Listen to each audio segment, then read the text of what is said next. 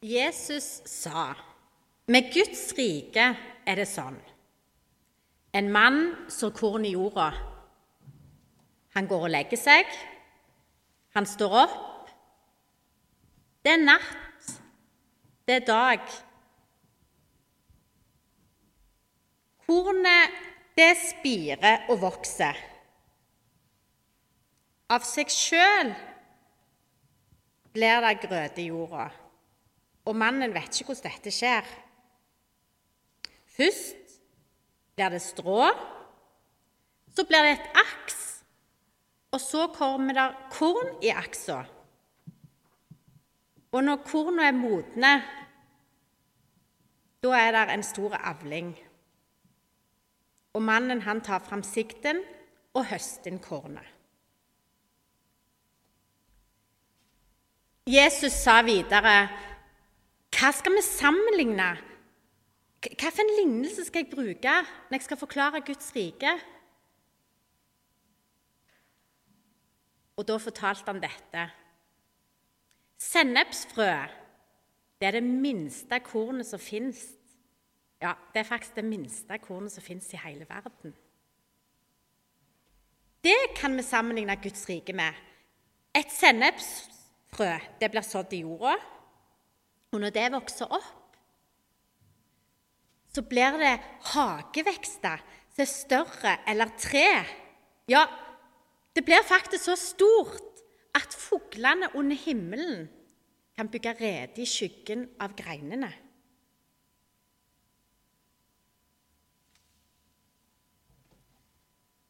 Med mange sånne lignelser så forklarte Jesus om Guds rike. Ja, så mye som de klarte å høre. Men når han var i lag med disiplene, med læresveinene sine, til de fortalte han alt. Det er såmannssøndagen i dag. Og såmannssøndagen det skal være en dag som oppmuntrer oss til å dele det vi sjøl har fått så ut Guds ord, bry oss om våre medmennesker og se at en hel verden trenger evangeliet. Derfor skal denne dagen oppmuntre oss til å dele evangeliet med andre mennesker. Såmannssøndagen. De aller fleste av oss har personer som har sådd evangeliet for oss. Og jeg har mange. To skal jeg nevne her nå. Den ene er mormor mi, som eh, ikke sa omtrent et eneste ord om Jesus til meg da jeg var guttunge.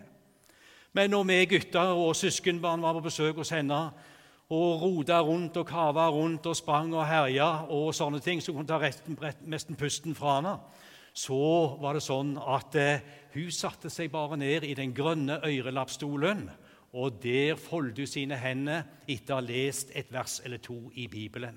Etter et minutt eller to så reiste hun seg med forkleet sitt ut på kjøkken og stelte i stand og ordna til og var den gjestfrie mormor.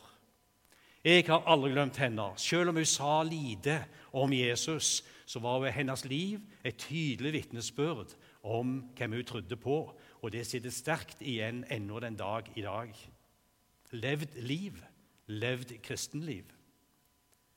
Den andre han var ikke noen stor pedagog, men han hadde jeg som søndagsskolelærer. Og det er flott med alle søndagsskolelærere. Og vi er forskjellige, òg de som har søndagsskole. Men denne søndagsskolelæreren han levde seg så inn i teksten som han gjenfortalte, at til slutt så begynte tårene å trilte. Og det var jo ikke så ofte vi så i min barndom en mann som grein, men han gjorde nå det. Og han eh, fortalte og fortalte. Og Han levde seg så inn i denne bibelfortellingen at til slutt så åpna alt seg i nesen òg, og snotten begynte å renne.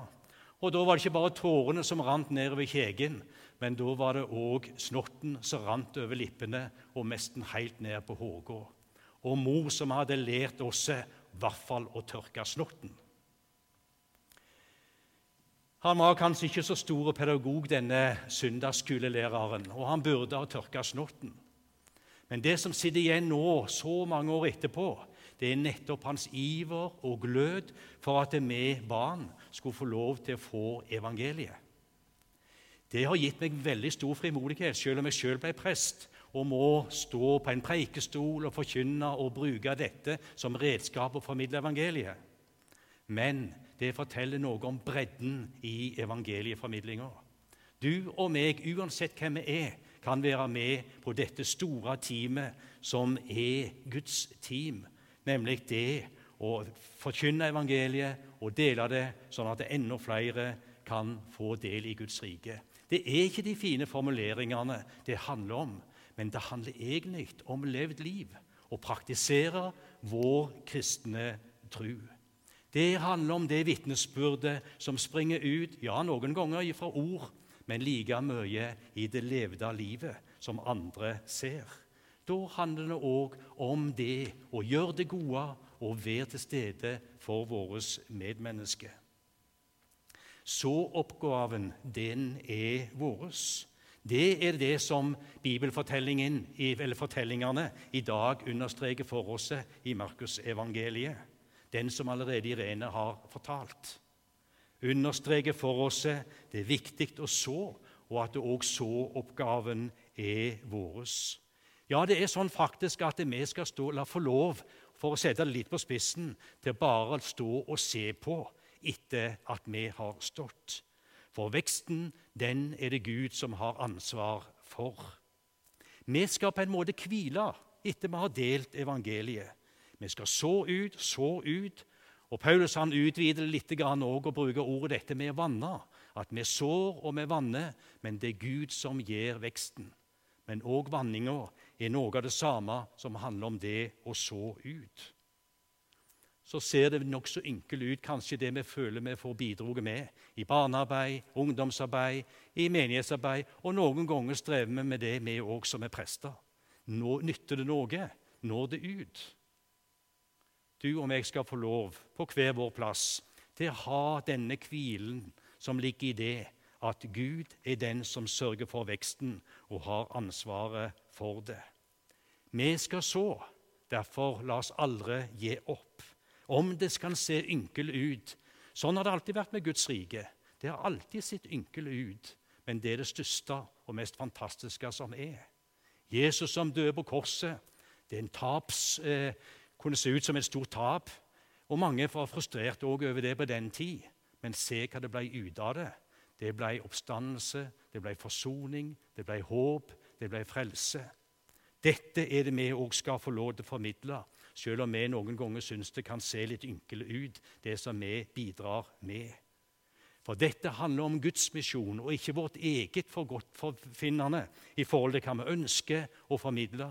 Det handler om å formidle Hans vilje og hans ønske, som er vår himmelske Far Gud. Det er Guds misjon og ikke våres. Han skal bevares i kirke. Han bruker sin hellige ånd til å virke, arbeide, oppmuntre og heie på mennesker og lede dem til tru.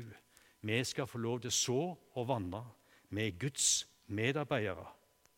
Derfor skal vi gjenta vitnesbyrdet vårt både i ord og i handling.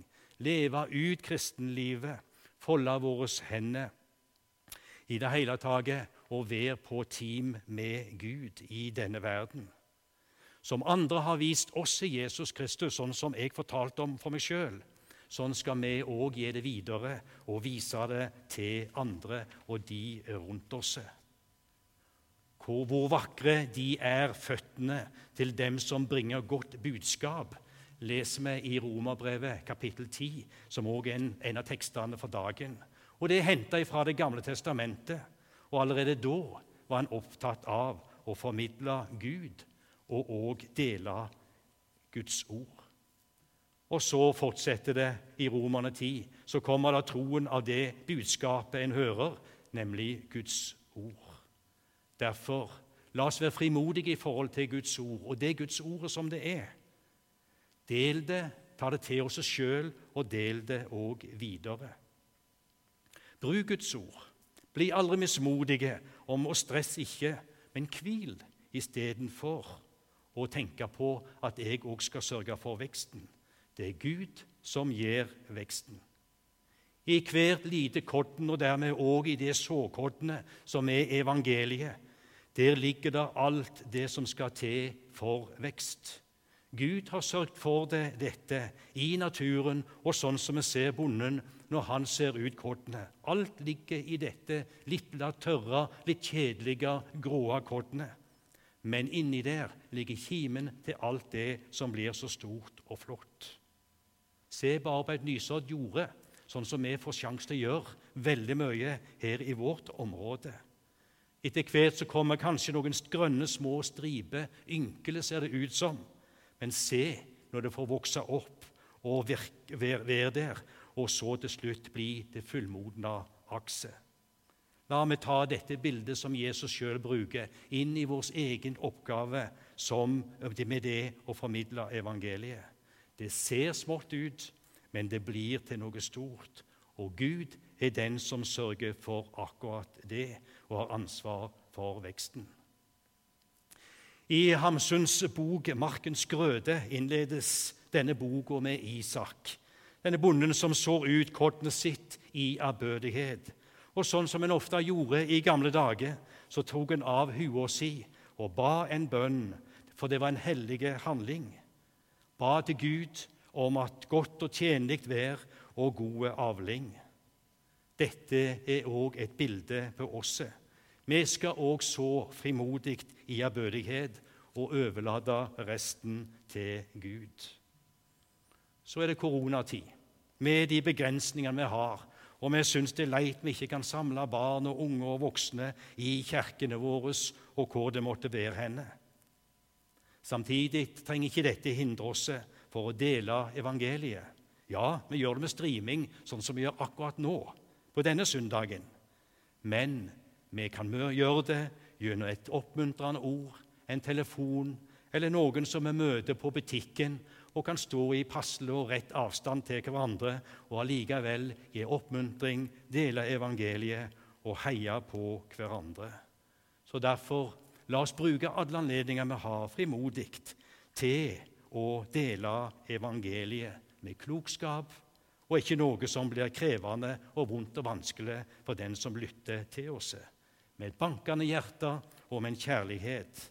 La oss våge å tenke litt annerledes og kanskje når en har barn hjemme i disse tider, så er det litt vanskelig i forhold til det og det inputet en får i forhold til evangeliet, som en ofte får i menigheten på søndagsskolen og hvor det må være henne. Men kanskje vi skal bruke oppfinnsomheten hjemme. Ta den utfordringen nå i denne tida. Selv om vi også streamer gudstjenester annenhver søndag herifra, som òg er søndagsskolegudstjenester. Så la oss se ansvaret vi òg har hjemme for våre barn, enten vi er oldeforeldre, besteforeldre, eller vi er foreldre eller tante eller onkel. La oss finne fram de gode bøkene. La oss be en liten enkel bønn. La oss dele et lite vitnesbyrd. Må Gud velsigne hver enkelt av oss til òg uansett tid, til frimodig å så ut evangeliet om Jesus Kristus. I Jesaja-boka, kapittel 55, der står det så flott, som òg viser hvor opptatt en var av at Gud var den som sørgte for tinga og hadde kontrollen. I Jesaja-boka kapittel 55 fra vers 10 står det For lik regn og snø som faller fra himmelen, og ikke vender tilbake dit før de har vannet jorden, gjort den fruktbar og fått den til å spire, gitt såkorn til den som skal så, og brød til den som skal spise. Slik er mitt ord som går ut av min munn. Det vender ikke tomt tilbake til meg, men gjør det jeg vil, og fullfører det jeg sender det til. Himmelske Far, takk for muligheten til så evangeliet. Hjelp oss så du gjør det med frimodighet. Ære være Faderen og Sønnen og Ånd, som var, er og være skal, en sann Gud, fra evighet og til evighet.